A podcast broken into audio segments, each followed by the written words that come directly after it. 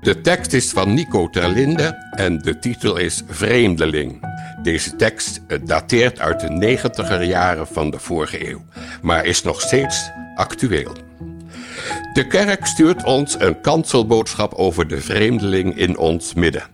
Met de beste bedoelingen natuurlijk, maar het verhaal is niet om te lezen. Laat staan om voor te lezen. De vreemdeling die bij u woont, heb hem lief, is de boodschap. Wat is daartegen? Die opdracht staat toch ik weet niet hoe vaak in het Oude zowel als in het Nieuwe Testament. Ja, maar dat is het hem nou juist.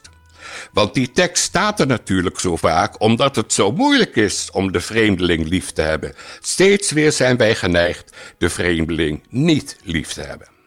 Dat mag niet hoor, stenselt mijn kerk. Een profetisch geluid heet dat tegenwoordig, maar ik ben zo slecht om te denken dat zo'n losse flodder eerder een wankelende profeet moet dienen dan de vreemdeling. Want er wordt in deze kanselboodschap niets verhelderd, niets verzoend. De grote persoonlijke en politieke problemen worden geen moment ernstig genomen.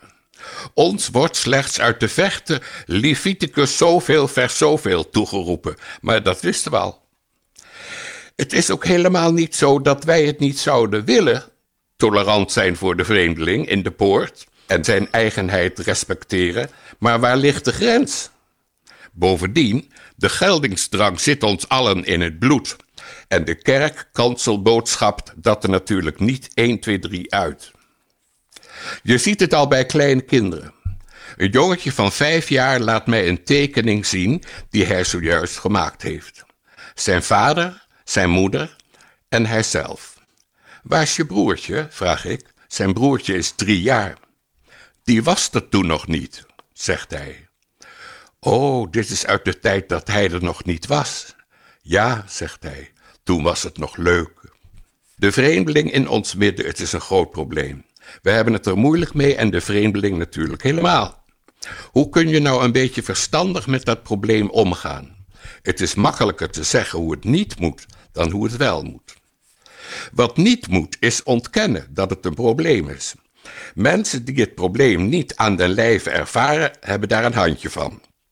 Er moet een mentaliteitsverandering komen, roepen zij. Daarbij hebben ze anderen op het oog. Als iedereen van goede wil is, kunnen we hier in vrede met elkaar leven.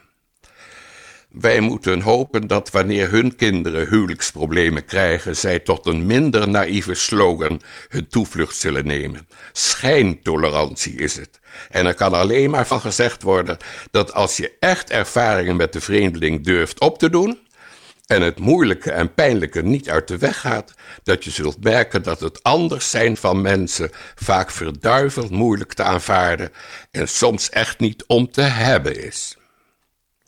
Een andere slechte oplossing is intolerantie, kort samen te vatten in de leus aanpassen of wegwezen. Hier wordt het probleem wel gezien, niet verdrongen, maar het wordt met geweld de wereld uitgeholpen en in wezen dus toch weer ontkend. Het lijden wordt uit de weg gegaan, bij de ander op het bord geschoven. Wij hoeven niet in te leveren, te veranderen, te groeien. Dat moet die ander doen. Het is de oplossing van het eigen gelijk. Hier geldt het recht van de sterkste. Mensen die intolerantie prediken, kennen nauwelijks twijfel, voelen zich goed en gelukkig zoals ze zijn en hebben weinig contact met het vreemde en bizarre in zichzelf.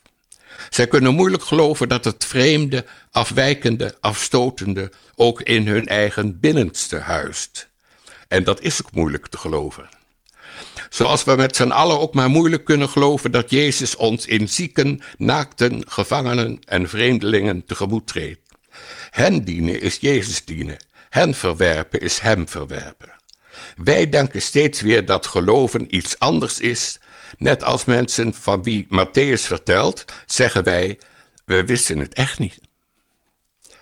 Dit Bijbelwoord brengt ons bij een derde, minder goede oplossing. Tolerantie als plicht, als morele norm. Tolerantie moet, zegt de kanselboodschap. Intolerantie is onchristelijk. Het wordt er tegenwoordig even stevig ingehamerd als vroeger de geloofswaarheden werden verkondigd. En net als vroeger, wee degene die er anders over denkt. Persoonlijk heb ik daar bijna net zoveel moeite mee met de tolerantie die moet, bijvoorbeeld in naam van het evangelie, als met de intolerantie van radicaal rechts. Want hoe hemeltergend en godsgruwelijk hun geluid verkondigde simplificaties ook zijn, en hoe evident ook deze visie slechts de emotionele balans van de betrokkenen dient, ze schreeuwen net zo hard als hun angst groot is, wij schieten er weinig mee op deze uitingen te verbieden. Zoals de geloofszekerheid nooit gediend is met het onderdrukken of het verbieden van de geloofstwijfel. Zeggen wat moet en hoort heeft vaak het nadeel dat het verhindert om vrij te kijken naar wat is. Allerlei normen en waarden, hoe goed in zichzelf ook, kunnen in de weg staan om de werkelijkheid zoals die is, onbevangen waar te nemen. Carl Jung heeft daar behartenswaardige dingen over gezegd. Verplichte literatuur voor kanselboodschappers. Er was eens een Joodse man die een loodzware koffer naar het zesde perron had gesleept. Daar aangekomen moest hij nodig wateren. Hij zag zichzelf niet met die koffer de trap weer op en de trap weer afschouwen. Hij keek om zich heen naar iemand aan wie hij die koffer even kon toevertrouwen. Hij stapte op een medereiziger af. Meneer, mag ik u vragen, hebt u wel eens antisemitische gevoelens? Nee, hoe komt u daarbij? Dat zij verre van mij. De Jood stapte op een tweede reiziger af. Denkt u wel eens lelijk over Joden? Meneer, ik ben een christen, ik zou me schamen. De Jood gaat naar een derde man op het perron. Hebt u zichzelf wel eens op anti-Joodse gevoelens betrapt? Nou, ik zou liegen als ik het ontkende. De Jood zei: Zou u dan alstublieft even op mijn koffer willen passen? Want u bent een eerlijk man.